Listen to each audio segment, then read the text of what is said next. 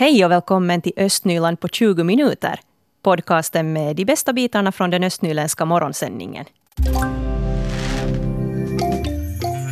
Det är spännande tider nu för alla som är bandyintresserade. Igår så vann Borgå Akilles herrar med resultatet 13-3 över OLS från Uleåborg. Det här är den första kvartsfinalmatchen i bandyligan. Och den här matchen spelades ju här i Borgå. Och vår reporter Fredrika Lindholm hon var på plats för att tala med Akilles fans om vad de tycker om att laget har tagit sig till slutspel. Här står jag vid konstisbanan i Borgo och bandy-slutspelet ska just börja. Spelarna har kommit in på plan och Trömperit står och viftar med olika gröna arrangemang. Och eh, här är ungefär 400-500 människor redan och matchen har inte ens börjat ännu. Och trots att matchen just ska börja och stämningen verkar vara på topp så tänkte jag gå och prata med några människor i publiken och fråga dem vad de tycker om att Akilles har tagit sig till slutspelet. Här har jag nu hittat ett stort Akilles-fan och får jag börja med att fråga vad du heter? Greta Sjöblom. Greta, vad tycker du om att Akilles har kommit till slutspelet? No, det är bra, men de borde vinna guld sen också. Och tror du att de kommer att göra det? Mm, jo. Du tror? Jag tror i år. Ja. Har du varit på många matcher och, Alla och matcher i många år, varje match, vare sig det är 20 grader kallt eller ösregn. Då litar jag på ditt omdöme. Nu är matchen igång och vi står här vid Trömperit och nu har jag träffat dig. Får jag fråga vad du heter? Sofia Skog. Yes, är du ett stort Akilles-fan? Ja visst är det. Hur känns det att Akilles är med i slutspelet i år? Det är jätteroligt. Nu väntar vi ju på en eventuell hemmafinal som vi hade här för några år sedan, att det skulle ju vara helt super. Ja. Tror du att de kommer att gå till finalen? Jag hoppas jättemycket det åtminstone. Tror du att de kommer att vinna finalen? Nå förstås. Och vad händer om de vinner finalen? Vad gör du då? Då kommer jag nog att fira det här hemma i Vorgo. Nå men nu ska jag låta dig se på matchen igen. Tusen tack för att du ställde upp. Tack ska du ha. Här har jag nu hittat en man som stod längst fram vid rinken och får jag fråga vad är det du heter? Stefan Liljeberg. Hur känner du för att Akilles är med i slutspelet? Det är det bästa i Borgå. Det, är ju, det, Akilles har ju alltid varit nästan i slutspelet så det, där, det, är ju, det, är ju, det här är ju kryddan på, eller jordgubbe på kakan att det är det bästa som händer. Och hur långt tror du att de kommer att gå? Om allt går bra så är de i final. De har ju vunnit grundserien och, och det där, de, har, de, har, de har bra spelare och bara psyket håller så, så har vi där. No, men tusen tack! Ja, kiva tack. Här är ett försäljningsstånd där man både säljer korvar och man säljer Akilles saker. Och här har varit hårdruljans nästan hela matchen och jag antar att det kommer att bli ännu mera folk här under pausen och jag ska se om någon av dem skulle vilja ställa upp för en intervju. Får jag fråga vad du heter? Jonna Liljendal. Vad tycker du om att Akilles har kommit till slutspelet? No, nu är det ju jättefint. Jag har ju kanske inte följt med så mycket spelen när man har varit här och sälja men alltså nu är det ju, nu är det ju fint att de har kommit så här långt. Hur långt tror du att de kommer att gå då? No, det är ju klart de vinner. Vad kommer du att göra om, om Akilles vinner? No, nu måste man väl sitta lite ta, ta en skål för dem. Nu är det ju fin sak om de vinner. Är det varm saft här från försäljningsstånd eller är det något annat, annat som man skålar i då? Varm saft blir det väl. Perfekt, tusen tack! tack, tack. Och till slut ännu om ni undrar hur det låter när Akilles gör mål, så det är så här.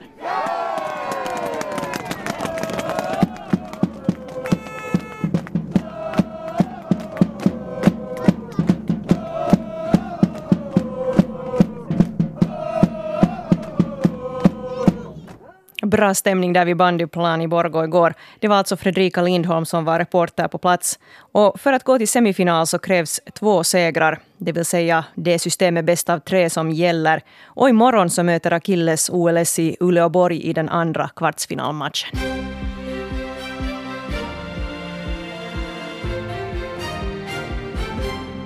Klockan är halv åtta och du lyssnar på de östnyländska nyheterna med Helena von Aftan. God morgon. Aggressiv magsjuka härjar på avdelning 1 på hälsocentralsjukhuset i Borgå. Man misstänker att magsjukan orsakas av norovirus. För att inte smittan ska spridas råder det nu besöksförbud på avdelningen. Och staden informerar då det igen är möjligt att besöka avdelning 1 i Borgå. Till Sibbo. Byggande av en ny cykelväg från Hangeby till Bock ut att börja under våren, skriver Sipon Sanomat. Den nya cykelvägen skulle bli 2,5 kilometer lång och gå längs väg 170 från Kalkstrandsvägen till Spjutsundsvägen. Byggandet kan börja under våren men färdigt torde det bli först nästa år. Hela projektet kostar 1,5 miljoner euro och det är staten som står för fiolerna. Och i Lovisa ska belysningen på cykelvägen i den norra delen av Smedjevägen förbättras. Redan tidigare har man som experiment ökat på belysningen. Extra lampor på nedre delen av stolparna riktades så att de förbättrar säkerheten för dem som använder gång och cykelvägen. En grupp politiker har föreslagit att arbetet med belysningen ska fortsätta så också den sista sträckan av Smedjevägen är väl belyst. Och igår beslutade fullmäktige om att arbetet kan börja under våren. Skinnarby, Andersby och Håmansby väglag vill bygga en bro över Lovisaå i Andersby. Den nuvarande bron är i dåligt skick och håller inte för tunga transporter. Brobygget skulle kosta 263 000 euro och projektet har fått statsstöd till 75 procent. Väglaget har också ansökt om ett grundförbättringsbidrag på 10 000 euro som Lovisa landsbygdsnämnd ska besluta om på sitt möte idag. Och Lappträsk marknadsför sitt nya bostadsområde Husulabacken för Helsingforsbor. I mars ordnas det ett infomöte om Husulabacken på ett bibliotek i Helsingfors. Husulabacken ligger knappt tre kilometer från Kapellby och där har Lappträsk planerat att det ska byggas tolv småhus. Med jämna mellanrum så sker det olyckor vid korsningen av Oljevägen och Broböllevägen i Kyrkoby i Sibbo. Senast förra veckan så skedde en olycka med tre bilar inblandade.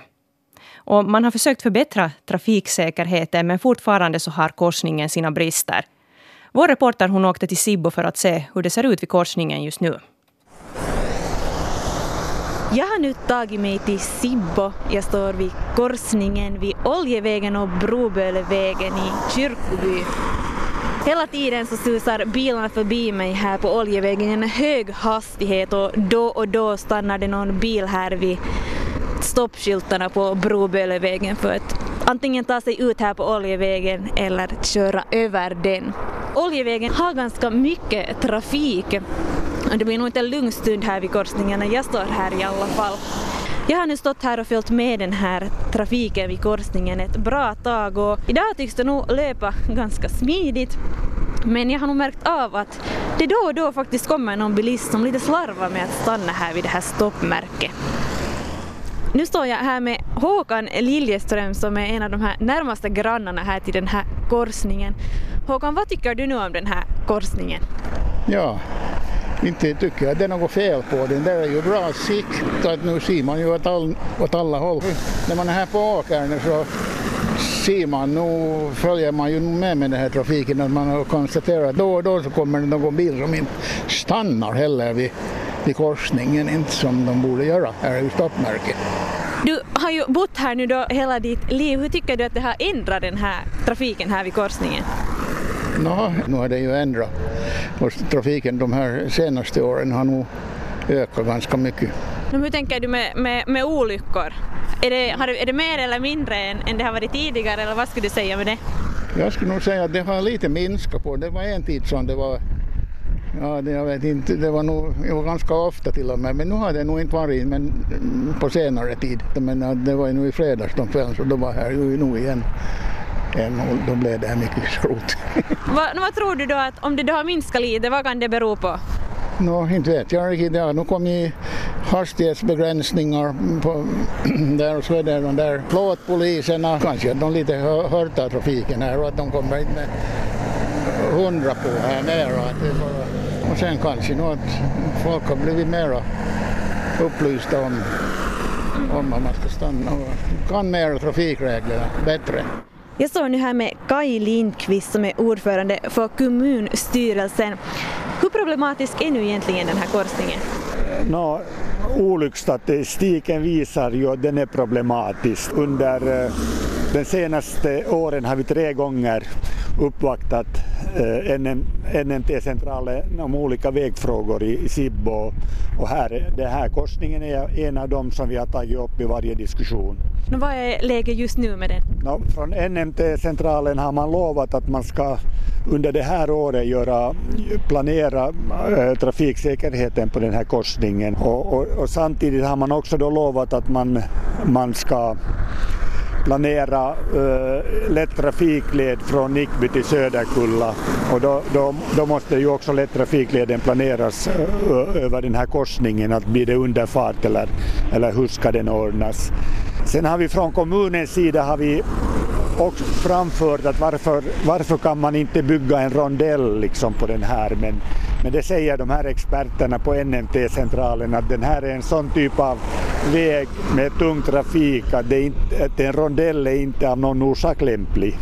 Men om vi nu då tittar här på den här korsningen så varför tror du att det nu då egentligen är så problematiskt? Här är ju åkrar på, på sidan om och man skulle kanske tycka att det är bra sikt. När man ser på den här korsningen här så Eh, så tycker jag att man saknar till exempel sådana här eh, grupperingsfiler, att, att, att vilken fil du ska liksom härifrån köra rakt då, och, och, och hur grupperar man sig till vänster och höger. Men vad, vad skulle nu Sibbo kommun då hoppas att NTM-centralen skulle, skulle göra? No, no, för det första så en rondell är ju ännu det att man skulle överväga en rondell så det, det är liksom vår åsikt.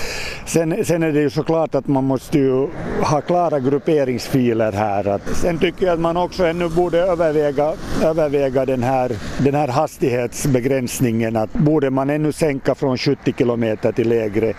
Och, och, och sen att om det då inte, inte blir en rondell så, så borde man väl också då överväga alternativen med en överfart eller underfart. Och, och, och då i samband med när man, när man då planerar lättrafikleden så ska man också planera biltrafiken med, med, med till exempel en överfart.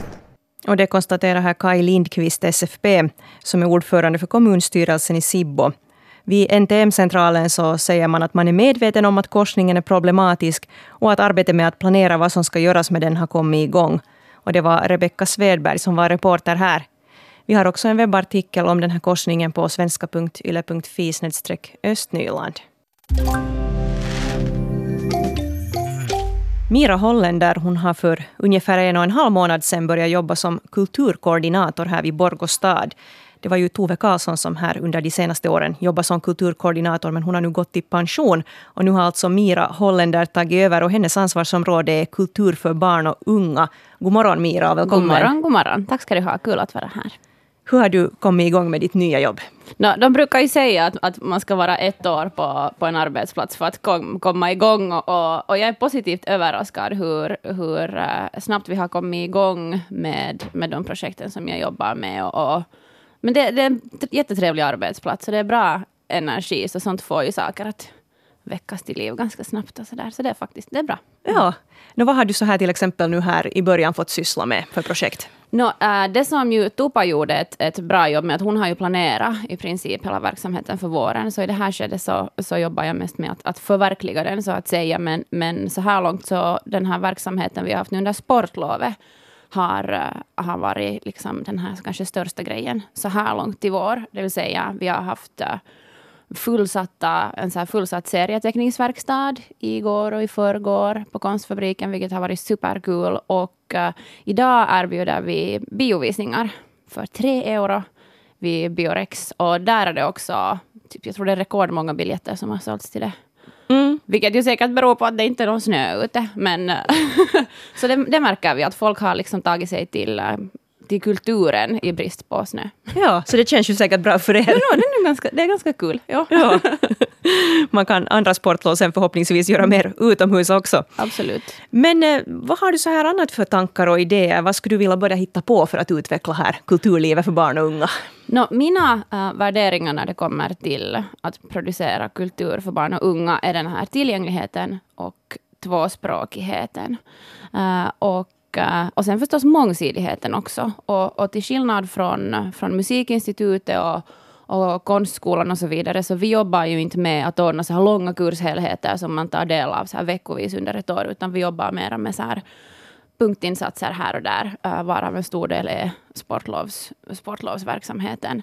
Eh, men så var jag till exempel just nu så här sakta men säkert jobbar fram med att jag är i kontakt med, jag var lite i kontakt med bildkonstlärarna och frågade sig att, att vad, vad är det som går hem hos era elever och vad går inte hem? Och på det sättet kunna komplettera det som, som vi ordnar. Just nu planerar vi mycket mot sommaren och uh, mot hösten och det kan jag tyvärr inte berätta desto mera desto mera om just nu. Men, men uh, fast, min, fast min bakgrund är mycket inom musik så, så, så blir, blir det nog jättemycket annat också.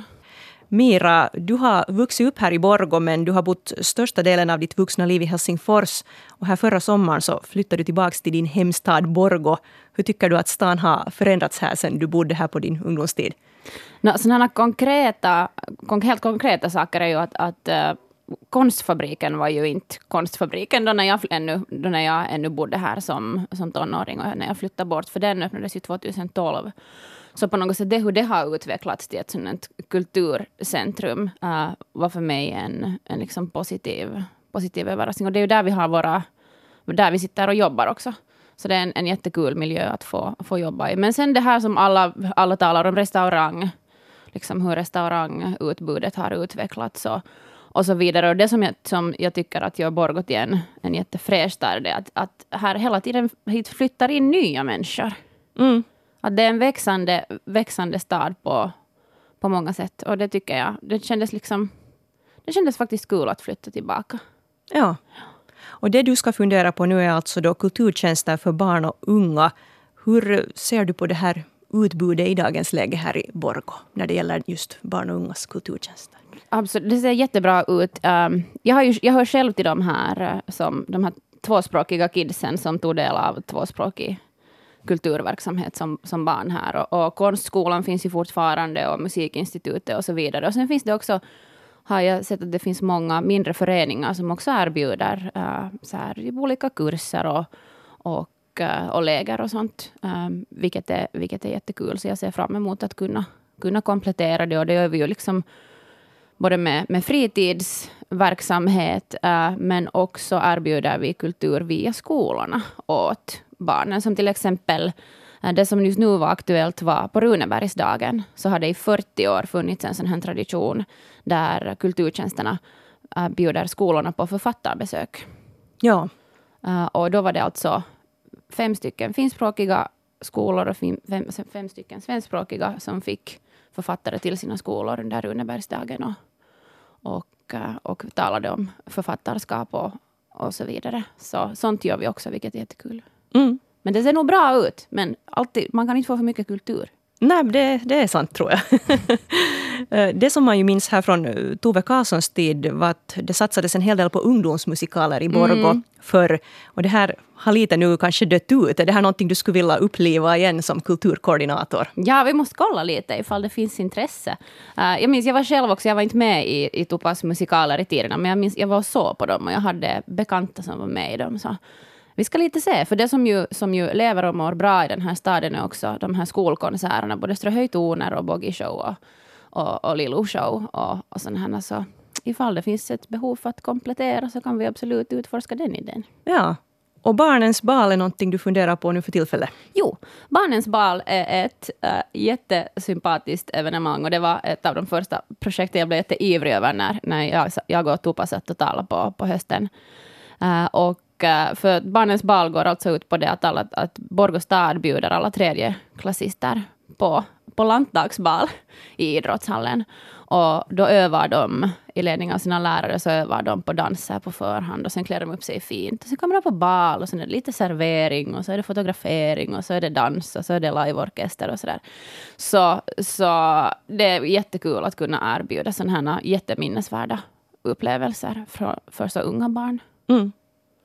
Eh, Mira Holländer, din mamma Ylva Holländer är konstnär och, och din man så håller nu på att börja utveckla en musiklinje på Akan, så ni har lite kultur så här i blodet kan man väl säga där inom, det kan man säga. inom din, din familj och släkt. Har det här med kultur alltid varit viktigt för dig? Ja, och, och det har liksom absolut varit uh, kanske mest en jättenaturlig del av, av mitt liv. Och uh, jag vet inte, det är så svårt när det är en så naturlig del av ens eget liv så är det svårt att tänka sig att det inte skulle vara av, av någon annan. Så det är ju det jag vill ge vidare. För att, för att min uppväxt um, har absolut format mig till det jag vill jobba med idag till exempel. Så det här är mitt sätt att ge, att ge vidare helt enkelt. Östnyland på 20 minuter är en Svenska Yle-podcast. Det finns flera poddar på arenan. Jag heter Katarina Lind. Tack så mycket för sällskapet. Vi hörs.